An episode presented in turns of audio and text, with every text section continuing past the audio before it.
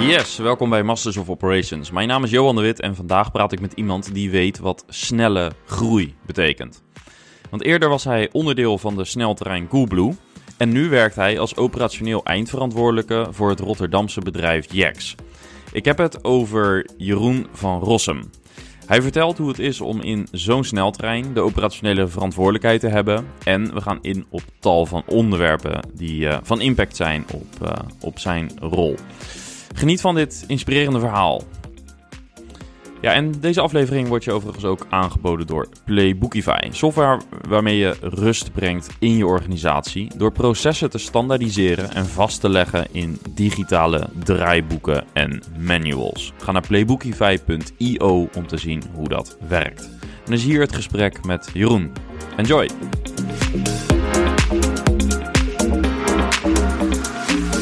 Ja, Jeroen, welkom. Dankjewel. Leuk dat je tijd wil maken. Je zal vast een hele drukke agenda hebben als je van, uh, wat zeiden we net, van 35 naar 250 mensen groeit in ja. een betrekkelijk uh, kort tijdsbestek. Ja, dat gaat hard. Ja. ja. Maar als je agenda altijd druk is, dan wen je daar ook aan.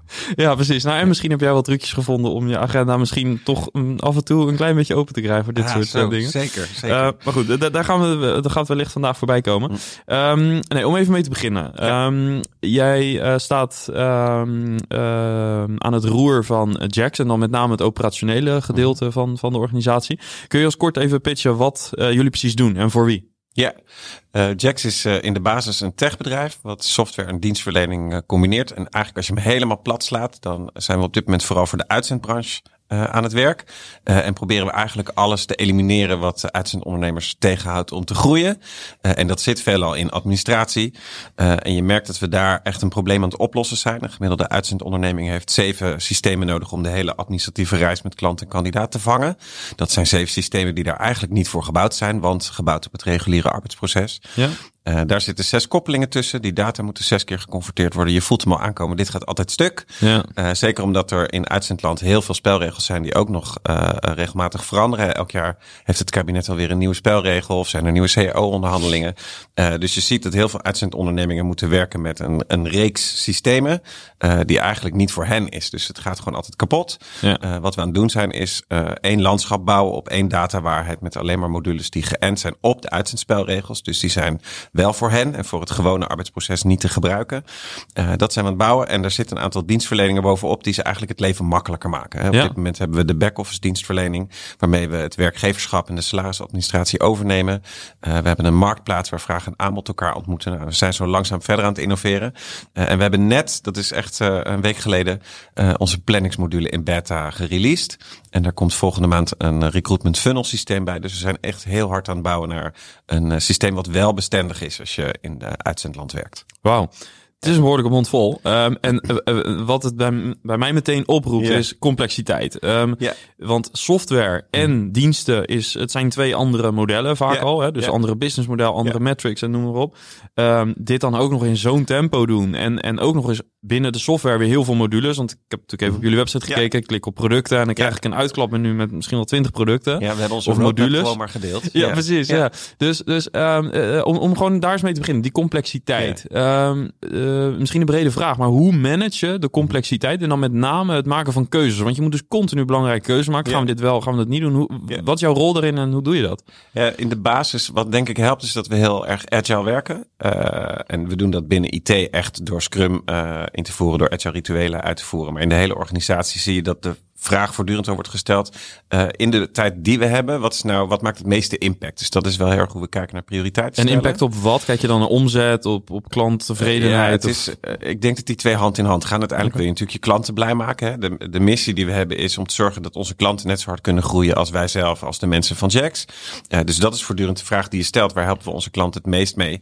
Uh, en ik merk ook nu, we zijn steeds meer gesprekken aan het voeren met onze klanten in een steeds eerder stadium. De module die we net gereleased hebben is echt zo snel de markt op gekund, omdat we ook met klanten echt goede gesprekken hebben gevoerd. En dan wordt het heel helder waar je waar je, je klant het, snelst blij mee maakt. en in zoverre, ik, ik deel je conclusie dat het heel complex is. Aan de andere kant, we bedienen op dit moment vooral kleine tot middelgrote uitzendbureaus die of met die zeven horror systemen werken die veel te veel kosten, of gewoon bepaalde dingen nog in Excel doen, omdat ze het zich niet kunnen veroorloven. En dan valt het wel mee wat je neer moet leggen om de wereld beter te maken. Door gewoon een systeem uh, te bouwen wat redelijk gebruiksvriendelijk is. Wat uh, echt de basics levert die je nodig hebt. En niet allerhande poespas waar je weer meer geld voor kunt vragen. Maar gewoon echt de basis van dat systeem langs te lopen. Ja. Dan valt het eigenlijk wel mee. en het klopt natuurlijk dat software en dienstverlening iets anders is. maar we stapelen ze echt op elkaar. Dus we hebben geen dienstverlening die helemaal losgezongen is van de software. Het is echt een totaalpakketje waarmee we uitzendondernemers en incidenten eigenlijk terugbrengen naar de kern van wat ze moeten doen. Namelijk een goed gesprek voeren met een kandidaat of een toekomstige uitzendkracht en een opdrachtgever. En zorgen dat daar een match is. Ja. Uh, en daar zijn ze over het algemeen heel goed in. Ja. En dat geldt niet bijvoorbeeld voor alle administratie die ze moeten voeren. Want hm. je hebt gewoon met veel spelregels te maken. Ja, ja want, want hoe ziet jullie bij jullie intern in de organisatie het, het, het team, de teamindeling eruit? Dus, dus heb je bijvoorbeeld echt dedicated teams op uh, software en dedicated teams op bijvoorbeeld dienstverlening? Dus bijvoorbeeld een product owner, heeft hij ook contact met de dienstverlening? Of hoe, hoe gaat dat in zijn werk? Ja, contact zeker. Maar je ziet daar dat we bijna in een soort matrix werken. Dus we hebben de doelgroepen gedefinieerd. We, we bedienen uitzendondernemers, we bedienen uh, opdrachtgevers. En uitzendkrachten is natuurlijk een indirecte doelgroep van ons. dus je merkt dat daar eigenaren voor zijn. en binnen het software team, ja, elke module heeft gewoon zijn eigen product owner. Die natuurlijk heel veel schakelt uh, met de mensen die de diensten verkopen, met de mensen die de diensten uitvoeren. Zeker als je kijkt naar uh, ons back-office dienstverlening en het portaal wat we daar gebouwd hebben. Ja, daar komen al die doelgroepen bij elkaar. Want anders weet je niet wat je uh, nu moet bouwen om de meeste impact te maken. Ja, en hebben jullie dan ook nog een master product owner? Of ben jij dat? Want nee, we hebben een head of product. Oké. Okay, ja. Onze Esther. en we hebben een ijzersterke head of IT.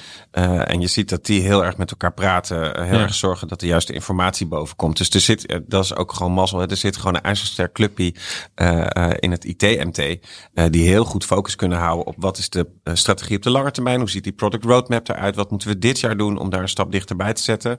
maar ook heel erg in het dagdagelijkse steeds de vraag stellen, hebben we de juiste input opgehaald? Is het nog ja. gebruiksvriendelijk? Zijn we de juiste dingen aan het doen of zijn we aan het doen wat we denken dat slim is? Ja, en, en hoe ver kijken jullie vooruit qua roadmap? Ja, dat ligt er een beetje aan hoe scherp je hem stelt. Tot en met eind 2025, halverwege 26 weten we wel wat we willen.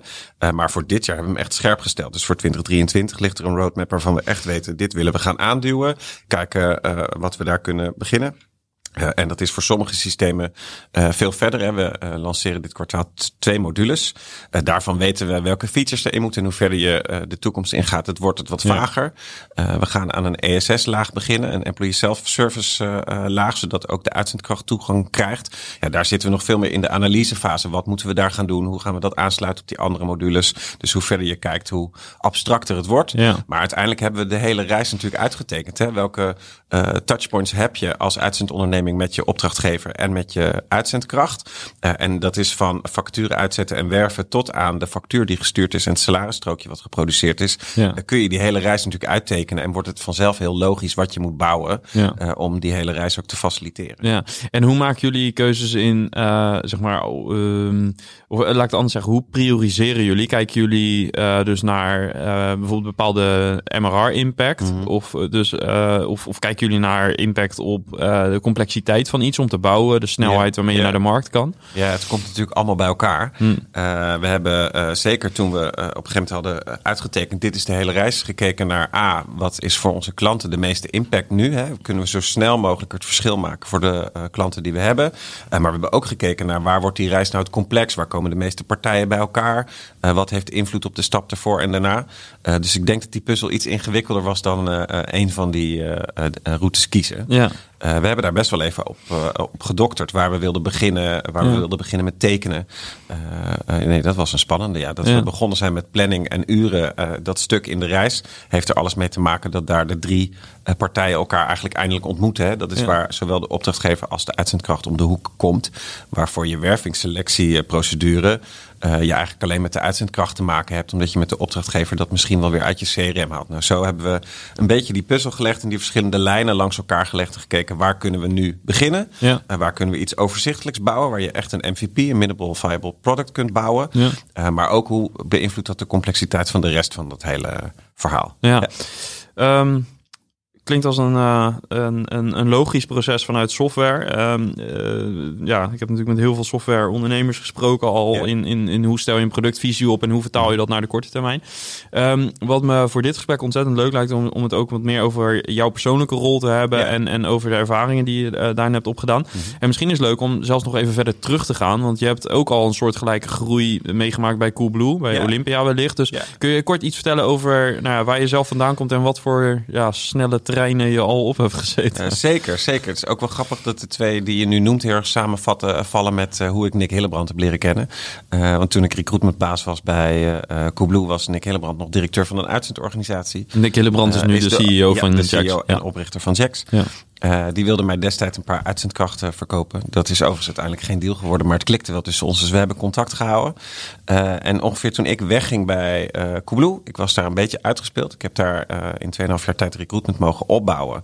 van een handje interimmers naar echt een geoliede machine van een man of 35. Dat was echt hartstikke vet. maar ik was ook drie weken op vakantie geweest en er was eigenlijk niet zoveel omgevallen. Dus ik dacht, ja, ben ik dan nog de ideale manager voor deze club? Of moet er iemand komen die iets nieuws uh, daarin brengt. Uh, dus daarmee ben ik daar vertrokken. En dat was ongeveer hetzelfde moment waarop Nick Hillebrand uh, bedacht, ik ga een bedrijf beginnen. we hebben zelfs nog gesproken of ik zijn oude baan zou overnemen, maar Olympia had een heel mooi aanbod. Dus daar ben ik daarna naar, naar toe gegaan. Wanneer was dit ongeveer? dit is een jaar of vijf geleden. Ja, ja. oké. Okay, ja. Um, en dat was heel mooi, want ik mocht ook daar twee afdelingen opzetten die er eigenlijk nog niet waren. Dus ik mocht bij, wat ik bij Coolblue gedaan had nog een keer uh, doen. Teams samenstellen die er nog niet waren. Uh, en daar ook eigenlijk wel hele grote groei doorgemaakt. We zaten daar in een kolom met marketing en IT onder Rogier van Hamburg. die ik overigens ook nog steeds spreek. Inspirerende vent is dat. Um, en we hebben daar eigenlijk ook in korte tijd wel wat uit de grond gestampt wat er nog niet was. centrale recruitment afdeling over de vestigingen heen. En een afdeling die zich bezighield met het verhogen van kennis van alle incidenten. en daar ook een aantal digitaliseringsprojecten mogen doen. Dus dat was mijn eerste confrontatie met de sluimerende liefde voor IT, waarvan ik niet wist dat ik hem had. dat was hartstikke mooie tijd.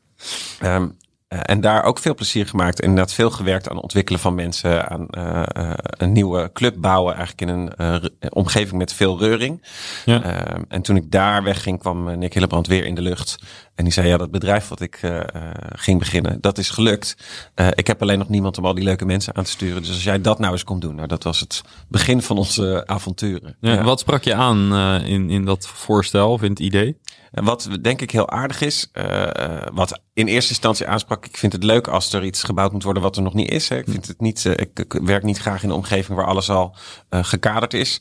Uh, maar we hebben een bijzonder gesprek gehad met elkaar. Dat was het tweede gesprek wat we voerden, waarin ik hem voorstelde. En daar ben ik in de jaren steeds meer overtuigd van geraakt. Um, als we nou afspreken dat ik alleen uh, mijn tijd ga besteden aan dingen die passen bij mijn talent. Dat ik zoveel mogelijk van mijn tijd besteed aan dingen waar ik goed in ben, waar ik energie van krijg. En we kunnen afspreken dat ik dus dat andere facet, dingen waar ik niet zo goed in ben, waar ik geen energie van krijg. Ik wil dat eigenlijk niet doen. Als we dat kunnen afspreken, dan ben ik je man. Want dan denk ik dat ik je het best kan bedienen. Dan gaan we veel harder. Ja. Uh, uh, en dat is precies ook hoe ik kijk nu naar het inrichten van teams. En overigens uh, destijds ook. is dat je eigenlijk een groep mensen moet verzamelen. waarin iedereen vooral wordt ingezet op de kern van zijn talent. wat een beetje tegenstrijdig is met wat ons vanaf de basisschool natuurlijk al geleerd wordt. Als je niet goed bent in rekenen, zeggen ze nou je moet vooral heel hard werken aan het rekenen. Ja, ja. en ik snap dat ergens wel. Maar het is eigenlijk een hele domme manier om te kijken naar je ontwikkeling. Want het kost je veel meer tijd en energie om een klein beetje te groeien in iets waar je niet zoveel aanleg voor hebt. Dan in oppoetsen waar je wel talent voor hebt. Ja. Ja. Want jullie sponsoren nu uh, voetbalclub mm -hmm. Feyenoord. Het is een beetje hetzelfde als dat je een verdediger uh, gaat, uh, gaat leren de doelpunten te maken. Ja, in plaats van een ja. nog beter verdediger te maken. Ja, precies. dat, is een, dat is een mooi voorbeeld. Hey, en en um, nou, we zeiden in het begin van het gesprek mm -hmm. al van 35 naar 250 mensen op, op 1 maart. welke tijdsperiode hebben we het dan over? Dan hebben we het over 22 maanden, ja. Ja, wauw. En, en als je ons dus zou meenemen in... in um, ik wil uiteraard horen wat er allemaal goed goed gaat. Ja. Ehm, maar ik ben ook benieuwd, eh, in zo'n organisatie moeten de- vrijwel dagelijks dingen in brand staan. Zeker. Ja. Eh, wat zijn nou de, de zaken waar jij het meest eh, ja, buikpijn, hoofdpijn van krijgt, wakker van ligt? Ik weet niet hoe dat zich bij jou vertaalt. Maar... Ik moet heel eerlijk zeggen dat ik niet zo heel vaak wakker lig van mijn werk. Eh, wat je natuurlijk wel ziet, hè, we gaan heel hard, dus er is altijd groeipijn. Er is ook eh, geen afdeling die niet eh, voortdurend iemand aan het inwerken is. Dat vraagt heel veel wendbaarheid van je personeel. Daar selecteren we overigens ook wel op. Hè. Mensen die daar niet zo goed tegen kunnen, die houdt bij ons niet zo lang uit, dus die moeten we niet aannemen. Ja. Maar in brede zin, ja, er staat altijd iets in brand. Er is altijd wel ergens een procesje omgevallen. Er is altijd wel een plek waar we te laat de juiste kennis of de juiste senioriteit naar binnen weten te hengelen. Of waar het werk zo snel eh, toeneemt dat het overzicht af en toe eh, verdwijnt. Ja. Ehm, ik, ik weet niet of er één groot ding is eh, wat dan misloopt. Anders dan dat je ziet in die vaart dat het niet altijd lukt om hele bestendige processen te maken. dat het niet altijd lukt om op tijd te signaleren waar meer liefde naartoe moet. Zeker in het begin hè, met die 35 man, dan heb je een heel overzichtelijk clubje. Eh, toen waren Nick en ik met z'n tweeën directie. Dat is inmiddels gelukkig niet meer het geval. Eh, maar dan kan het dat heel veel afhangt van de eh, liefde en aandacht die je met z'n tweeën geeft. En op een gegeven moment wordt de club te groot. en is dat niet meer houdbaar. Dus dan moet je de laag onder je en naast je gaan verstevigen. En wanneer heb je dat ongeveer gedaan? Dus wanneer is de eerste Ja. managementlaag gekomen en wat Ah, is zo. daarna nog gebeurd? Nou, de eerste managementlaag is er gekomen weken nadat ik daar gestart was. Want ik zei, we moeten MT-vorming gaan doen, want anders zijn we straks te laat. Bij 35 mensen zag je dat, je voorzag ja, het eigenlijk. Ja, natuurlijk. Ja, De ambities waren torenhoog. eh, eh, dus we wisten dat we heel snel zouden gaan groeien. Eh, dus we zijn daar denk ik op tijd mee begonnen. Maar je ziet ook, die managementlaag heeft inmiddels al een aantal incarnaties gehad. Omdat je toch steeds moet schakelen. Wat is dan voor deze nieuwe grote belangrijk? We gingen op een gegeven moment de 150 man over. Wat een magisch getal is. Volgens mij heet dat het Dunbar getal. Dunbar effect. Eh, als ik, ik schrijf hem ik op. nu, We gaan hem uitzoeken. verkeerd schrijf. ja, precies. Eh, en anders was het een andere manier. Maar er is een eh, eh, gedachte achter, is wel eens geëxperimenteerd dat je ongeveer 150 mensen op je werk, daar zou je nog wel de naam van moeten kunnen onthouden. Ja, ja. Maar daarna wordt het echt wel ingewikkeld. Ja, dat was wel echt zo'n fase waar je doorheen gaat. Ik weet nog wel dat ik zelf op een gegeven moment in een stand-up stond 's ochtends en dacht, er staat hier iemand, ik weet niet wie het is. Eh, dat hebben we natuurlijk gerepareerd. Ik kom echt een heel eind, ook met die 250 man. Maar dat is een heel gek eh, gewaarwording dat Ja. je ineens denkt, oh ja, we zijn wel echt eh, groter gegroeid. Ja. Ja, dus dat heb je voortdurend. Hè. Er komt steeds een nieuwe incarnatie van je bedrijf. En dat gaat sneller dan bij veel andere clubs. Dus bewaken dat we vasthouden wat de kern is van die tent. van 35 naar 250. Dat lukt ons goed. Maar dat is natuurlijk wel gewoon spannend. Ja, Ja. ja. Ehm, en en eh, ja, je, je- het profiel dat je schetst van jezelf is eigenlijk iemand die houdt van pionieren. Ja. Hè? Dus niet te veel de gevestigde orde, maar nieuwe dingen. Eh, wanneer komt voor jou een moment dat eh, ook zo'n avontuur weer, ja, misschien waar, waarin jij niet meer persoonlijk goed in je rol zit? Ja, ik denk allereerst dat dat is als, er, als het gaat stabiliseren. Als er op de winkel gepast moet worden, zoals ze dan vaak al zeggen. Ja, dan, precies, ja. Dat is meestal het moment waarop ik het minder leuk begin te vinden. Ik zie dat bij Jacks voorlopig niet gebeuren, maar eh, dat zou lastig zijn.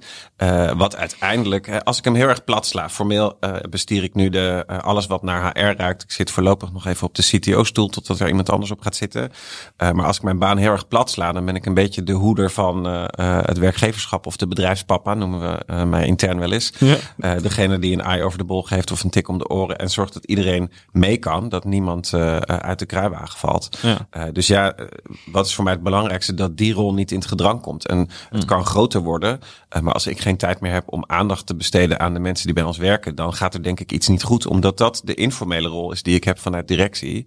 Ja. Eh, die ene die zorgt dat iedereen eh, mee kan, of dat iedereen elegant de aftocht kan blazen als het echt niet meer past. Ja. Eh, dat zeg je mooi trouwens, dat laatste. Ehm, als het gaat over het, het binnenhalen van mensen, nou, dat, dat lukt jullie, eh, dat. Ja. dat is duidelijk. Ehm, maar hoe zorg je ervoor dat de mensen die je vandaag binnenhaalt, Ja. dat zij over een half jaar, een jaar of misschien wel twee jaar nog steeds A, aan boord zijn? Mhm. en, en dat ze ook ehm, ja, in de juiste rol zitten, dat Ja. ze zich ontwikkelen. Ja. Eh, wat zijn een beetje je lessons learned? Ja, dit is wel een kwartje wat je erin gooit. Eh, ik denk dat ik daar drie dingen over wil zeggen. Um, we hebben allereerst op een gegeven moment echt tijd genomen om te leren kennen wat voor bedrijf zijn we nou. Dit was toen we nog onder de 100, 100 uh, man zaten. Uh, hebben we toen we uh, een rebranding uh, traject ingingen ook heel veel tijd besteed aan de vraag wat voor club zijn we nou eigenlijk in de breedste zin van het woord. En we zijn daar ook wel heel erg gaan praten over wat voor club mensen zijn we, wat voor werkgever zijn we. En we hebben daar per ongeluk onze kernwaarden ontdekt. Uh, mensen van Jax hebben veel verbinding in zich, staan heel erg open voor anderen. We zijn een heel divers bedrijf, er wordt uh, intensief samengewerkt. Uh, als je bij ons start, dan voel je snel uh, dat je in een club bovengemiddeld aardige mensen bent uh, beland. Uh, er zit veel energie in de club. Iedereen rent heel enthousiast dezelfde kant op. Dat is overigens ook waarom er af en toe iets in brand vliegt. Hè? Want we gaan allemaal heel hard en vinden het allemaal heel leuk. En willen ja. allemaal dezelfde kant op met veel ongeduld ook. Ja. en we zijn een club mensen met veel lef. En dat zit aan de ene kant in een stukje bravoure. we zijn af en toe best wel brutaal aan het roepen. Kijk, ons eens even tof zijn. We zijn heel hard aan het groeien en we zijn er ook trots op.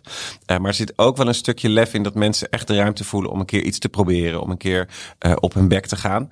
Uh, en ik denk dat we wat we heel goed doen, dat die kernwaarden wel echt als leidraad uh, overeind blijven in het selectieproces. Dus we toetsen mensen wel echt uh, in pas je daartussen. Kun je mee in deze omgeving? Past de cultuur bij je? Dat is denk ik een hele relevante vraag. Hoe doen jullie dat in een geformaliseerd assessment of is dat meer het gesprek wat je aangaat? nee, dat is echt wel meer in het gesprek wat okay. we aangaan. we vragen ook heel erg uit op drijfveren. Het cv is voor ons echt wat minder relevant. Ik vind het veel interessanter om op drijfveren en potentie te selecteren dan op historie. He, iemand die gisteren een beroep heeft uitgevoerd en dat staat op papier. Uh, ja, dat betekent misschien dat hij weet wat dat werk inhoudt, maar niet dat hij het leuk vindt of dat hij een stapje harder voor je gaat lopen. Uh, ik vind dat uh, op de Nederlandse arbeidsmarkt cv en opleiding echt vreselijk overgewaardeerd worden, omdat het uiteindelijk een hele slechte voorspeller is van hoe hard iemand gaat werken en hoe iemands leervermogen is. Ja. hoe doe je dat beter?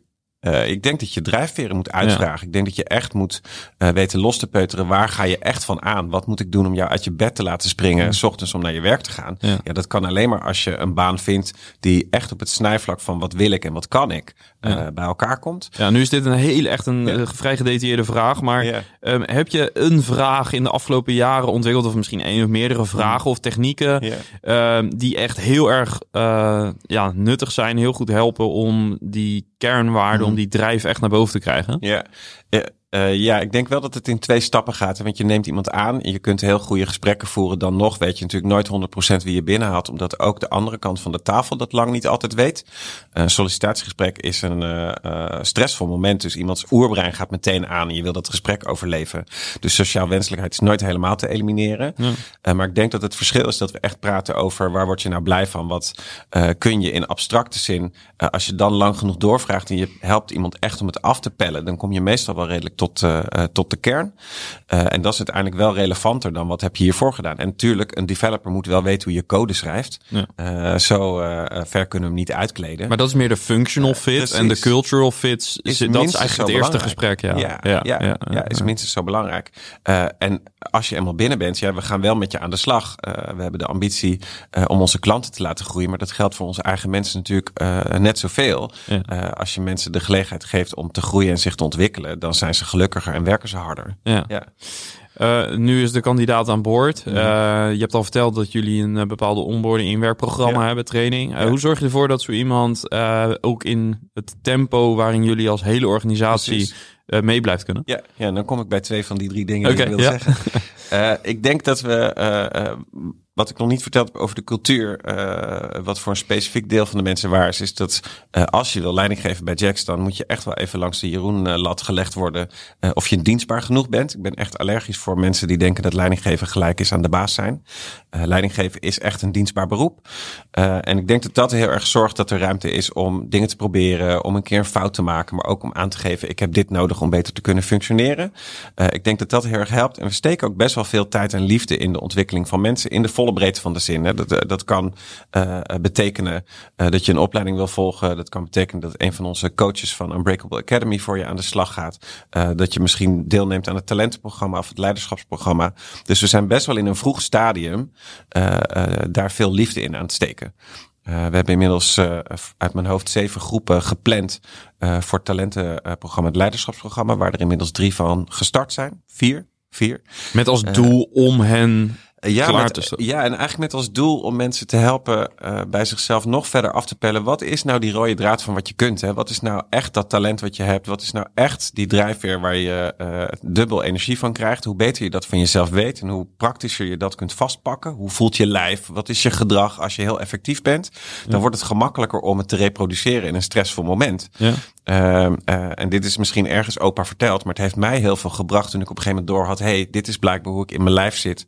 Eh, als ik eh, bijvoorbeeld een slecht nieuwsgesprek moet voeren of een presentatie moet geven voor heel veel mensen. Ik weet wat er in mijn brein gebeurt. Ja. En omdat ik weet hoe dat voelt, kan ik het reproduceren. Ook als ik een keer helemaal niet zo comfortabel iets moet aangaan. Ja. Ik gun dat iedereen, dat je goed kunt vastpakken wat je goed kunt. Ja.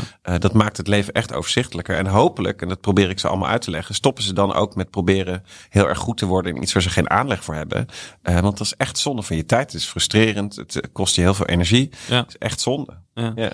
En je bent tot dit inzicht gekomen, met name ook door je eigen retrospectief eigenlijk. Als Eh, ja, natuurlijk helpt het als je er wat boekjes over leest. Ja, en precies, eh, praat met eh, slimme mensen die Ja. die reis voor jou ook gemaakt hebben.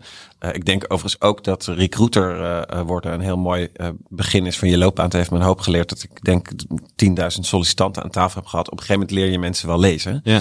Eh, Dat helpt wel. Eh, maar ik merk het ook hè, in de teams die ik tot nu toe heb mogen bouwen. Dat heb ik een aantal keer mogen doen. Ook voor Coolblue heb ik gelukkig op, eh, op plekken gezeten waar ik teams mocht bouwen. Ja, je krijgt de beste teams als je een groep mensen bij elkaar zet. die niet bestaat uit allemaal mensen die op elkaar lijken. die niet bestaat uit allemaal mensen die precies dezelfde ervaring of overtuiging meenemen. Je hebt een combinatie nodig van verschillende types die allemaal hun eigen inzicht meenemen. En vooral allemaal een talentje meenemen wat nog niet in die club zit. ja, dus diversiteit ook in Ja, dat opzicht. Zeker, Ja, zeker. ja, Volgens mij is dat echt het toverwoord voor goede teams. Is diversiteit op zoveel mogelijk assen. En we denken heel vaak alleen maar aan kleur eh, eh, of religie. Ja. Eh, maar ik merk nu bij Jackson, we worden diverser en diverser. Op alle assen van leeftijd tot kleur, tot geaardheid, tot man-vrouw balans. Er zit echt van alles. En dat maakt sterkere teams. En we proberen dat echt in alle lagen door te voeren. Al was, ik denk ook dat Nick Hillebrand en ik een slechter duo zouden zijn als we meer op elkaar lijken. Eh, Ja. ja. Ja, want, want eh, hoe zou je jullie rollen omschrijven Ja. ten opzichte van, van elkaar? Ja, dan neem ik andere Nick eh, ook mee, onze Nick Tanis, de financieel directeur. Je merkt dat we alle drie eh, op, in abstracte zin ook een andere rol hebben. Eh, Nick Hillebrand is degene die de waarde van Jax aanjaagt, die elke week 15 nieuwe ideeën heeft. Eh, dus heel erg de vaart erin houdt. Ja. Tanis is degene die zorgt dat er ook op nauwkeurigheid wat gebeurt. Dat het klopt wat we doen. Dat er analyse eh, is op wat we doen.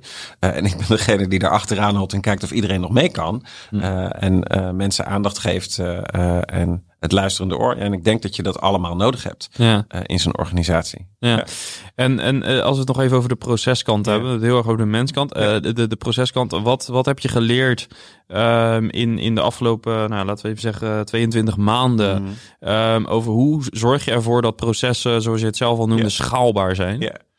Eh, ik en denk- bijvoorbeeld, welke rol Ja. heeft technologie daar bijvoorbeeld ook in? Ja. Eh, ja, die laatste is denk ik het simpelst. Eh, als je voortdurend kijkt wat je kunt automatiseren, dan neem je handmatig werk weg. Eigenlijk doen we daarmee met onszelf wat we ook voor onze klanten proberen te doen.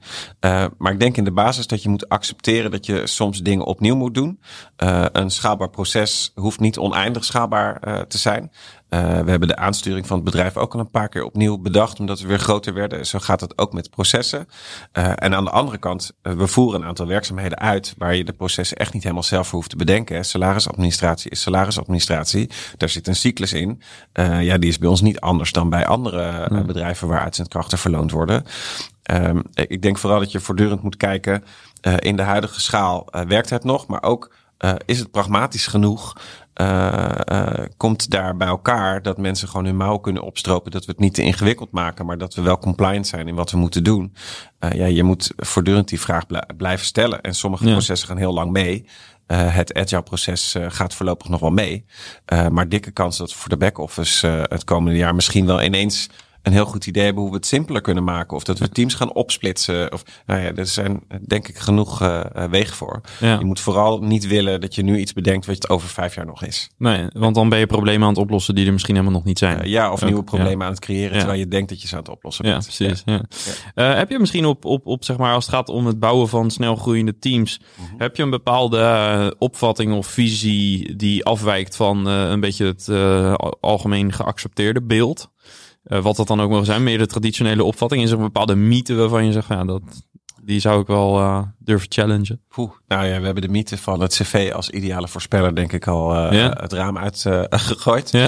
ja. poeh, heb ik daar ideeën over? Ik denk wat heel goed gaat bij Jackson. Ik denk dat dat voor een groot deel in het selecteren zit. Uh, maar ook wel in hoe we aansturen. Er wordt echt intensief samengewerkt. Samenwerken is niet alleen maar je zit toevallig op één kamer en je haalt een keer koffie voor elkaar. Uh, maar je ziet echt dat uh, ingewikkelde taken echt verdeeld worden. En dat mensen samen falen en samen vieren. Ja. Uh, ik denk wat we anders doen dan veel andere bedrijven is dat we echt heel erg opengooien waar we naartoe willen. Uh, dus de stip op de horizon is echt van iedereen. Uh, elk kwartaal hebben we een kwartaalbijeenkomst en praten we vanuit directie iedereen bij. En daar zijn we daar ook heel eerlijk over. Dit is wat er gebeurd is met onze omzet. Dit is wat er gebeurd is met onze waarden. Dit is wat er fout gegaan is. Dit is wat er goed gaat. Hm. en ik denk door dat open te gooien en daar heel erg transparant in te zijn, dat je het echt van iedereen maakt. en daarmee voelt iedereen ook dat ze onderdeel zijn uh, van dat hele proces. We vertellen ook gewoon regelmatig, iedereen hier doet ertoe. Het is niet zo uh, dat je functie er komt met een bepaald percentage hoe belangrijk je bent voor het proces. Uiteindelijk zit iedereen in die keten. Ik denk dat we dat heel goed weten over te brengen. en dat is ook de reden dat we bijvoorbeeld een optieregeling hebben ingericht, waar, waarmee iedereen een stukje eigenaar is van checks die voor ons werkt. Ja. ja. Um, ja, er, er komt een term bij mij op wat uh, misschien echt zo'n management uh, jeukwoord is, maar alignment. Mm. Maar uh, dat is wel een beetje waar ik aan denk. Dus, dus zorgen dat iedereen ook zijn of haar rol in yeah. het grotere plaatje yeah. kent. Dat is denk yeah. ik ook wat jullie met die kwartaalmeetings dan vooral willen doen. Ja, dat, dat, is het ook. En tuurlijk zit daar voor een deel ook in, hè, als je met z'n allen vertelt, dit is waar we naartoe gaan, kijk eens hoe vet dat is, hoe hard we groeien. natuurlijk is ook het doel om trots uh, even op te pompen en aan te jagen. Uh, ook dat wil je dat iedereen dat voelt. Ja. ja, maar nee, het klopt. Ik denk dat alle neuzen dezelfde kant op staan, omdat we uitleggen welke kant onze neus op staat. Ja, ja. Um, wat is voor um, de komende twaalf maanden voor jou het belangrijkste het, het, thema om, om op te lossen, zeg maar? Dus wat zijn nou een beetje de, de, of wat is of wat zijn de belangrijkste dingen die nu echt hoog op jouw agenda staan? Uh, ja, ja, daar zit wel een onderscheid in wat voor de organisatie hoog op de agenda staat. En uh, voor mijn eigen agenda, want ik, heb, hè, ik bestier een specifieke kolom. Ja. Uh, ik merk dat ik het komende jaar veel meer tijd uh, vrij kan maken voor de ontwikkeling van onze mensen. We deden dat al, maar we zijn het nu echt wat meer aan het stroomlijnen. Dus er is nu echt een traject waarvan we zeggen, dit werkt. We hebben er lang genoeg over nagedacht. Dus ik weet ook wat we eind van het jaar daar aan het doen zijn. En doe je dan ook op bijvoorbeeld de Unbreakable Academy en de leiderschapsprogramma's, ja, dat soort ja. talenten? Ja. ja, precies. Ja, okay. we hebben daar echt volgens mij een heel mooi programma. Ik kan hier niet vertellen wat we allemaal gaan doen, want dan geef ik het weg. maar we hebben daar een heel mooi programma gebouwd uh, waarin we deels mensen echt een spiegel voor houden. Joh, dit is wat we zien, dit is wat er gebeurt. Uh, denk eens met ons mee, kunnen we je verder afpellen. Ja. Uh, maar waarin we ook wel de stap maken naar vooruitkijken, naar dromen. hè, waartoe ben je op aard? Het is een hele zweverige vraag, maar als je die weet te beantwoorden in je werk, ja, dan weet je ook wat er in je functie moet zitten om heel gelukkig te zijn. Ja. Uh, dus dat is daar wel het uh, doel. Uh, proberen mensen daar ook wat kennis over te brengen, maar veel meer als inspiratie. Dus het is geen programma waarmee we trucjes aanleren. Daar geloof ik over het algemeen niet zo in. Maar wel heel erg iedereen proberen duidelijk te maken. Kom er nou voor uit dat je een bepaald talent hebt. peil dat af, omarm dat. en laat los wat je niet kunt. Eigenlijk, ja. als ik hem helemaal samenvat, doen we er negen maanden over om die vraag zo hm. glashelder te beantwoorden dat je, dat je het echt ja. nooit meer vergeet. Klinkt als een soort bevrijding ook wel. Ja, ik, ik, hoop het. Ja, ja. mooi. Um, ja, tot slot. Als je nu een vervanger zou aannemen, mm. um, en we, we, zouden dat COO noemen, yeah. uh, wat is dan de echt de nummer één persoonlijke eigenschap die je in die persoon zou zoeken? Wat een mooie vraag. ik, eh, ik moet heel eerlijk zeggen dat ik mensen om mij heen probeer te verzamelen die met elkaar kunnen wat ik, uh, wat ik daar kon brengen. Dus in zover, ik kan best uh, een maand ziek worden, maar uh, helemaal vervangen. Uh, ik denk dat het belangrijkste is dat iemand zich hoeder voelt van uh, het personeel. Omdat ik vind dat op het hoogste niveau moet er iemand zijn die dat als uh, kerndoel heeft. En wat doet een hoeder? Volgens mij zorgen dat er niemand per ongeluk uit de kruiwagen valt. Dat ja. iedereen zich veilig voelt om dingen te proberen. Dat iedereen ruimte voelt om zijn eigen ontwikkeling aan te kaarten. en daar ruimte voor te vragen en hulp voor te vragen. Dat iemand uh, de spiegel voorhoudt en ook gewoon een beetje op iedereen let. Is iedereen nog bij? Is iedereen nog een beetje gelukkig? Ja, ja. Uh, zit iedereen nog met zijn, met zijn neus naar die stip ja. op de horizon? Ik denk dat dat het belangrijkste is. En, en hoe ziet dat hoede eruit als de organisatie straks 500 mensen uh, telt? Ja, je ziet dat we nu al die stap gemaakt hebben. Want in het begin kon ik natuurlijk zelf degene zijn die uh, iedereen bediende ja. uh, van wat liefde. Uh, daar zijn we nu te groot voor. Maar ik heb een hele fijne HR-manager. We hebben sinds kort een HR-adviseur die gestart is. Die ook heel goed daartussen past en meteen snapt hoe dat werkgeverschap van Jax eruit ziet. dus inmiddels doen we dat met z'n drieën. Ja. gelukkig. daarom zeg ik, ik mag best een maand op vakantie in theorie. Ik zou niet weten waarom ik dat zou doen. Een maand lang niet naar Jax. Maar in, in theorie zou het kunnen, omdat we daar. Het is niet meer alleen van mij. Hè. Er zijn inmiddels ook andere mensen die heel goed snappen hoe dat werkgeverschap eruit moet zien. Ja. Maar ik denk wel dat dat belangrijk is dat er iemand is waarbij je geen drempel voelt om binnen te stappen, die uh, altijd even tijd voor je maakt. Uh, mijn agenda is heel druk, maar ik kan altijd een half uurtje vinden als iemand niet lekker in zijn vel zit of buikpijn heeft. Ja. ja dan vind ik een half uurtje voor je vandaag. Dat is echt geen punt. Ja. Uh, en als het echt niet kan, dan weet ik dat mijn collega's Jeroen en Simone dat half uurtje al lang voor je gevonden hebben. Ja. En ik vind dat gewoon heel belangrijk dat er we gaan heel hard, we groeien heel hard. Dat moet ook. Hè. Er moet gewerkt worden, er moet geïnnoveerd worden. Maar het kan niet zo zijn uh, dat je morgen bij Jax binnenstapt en dat er niet een half uurtje te vinden is om je hart te luchten. Ja. ja. Uh, bedankt dat we in jouw uh, snel groeiende avontuur mochten kijken. Thanks. Graag gedaan. Yes, en ben je zelf operationeel directeur of heb je een soortgelijke functie en wil je jouw verhaal delen in deze podcast? Voeg me dan even toe op LinkedIn, Johan de Wit. En stuur me een berichtje of mail naar info at mastersofoperations.com. En ga ook eens naar start.mastersofoperations.com om zelf in contact te komen met andere operationeel directeuren om uh, van elkaar te leren. Bedankt voor het luisteren. Tot de volgende aflevering. Ciao!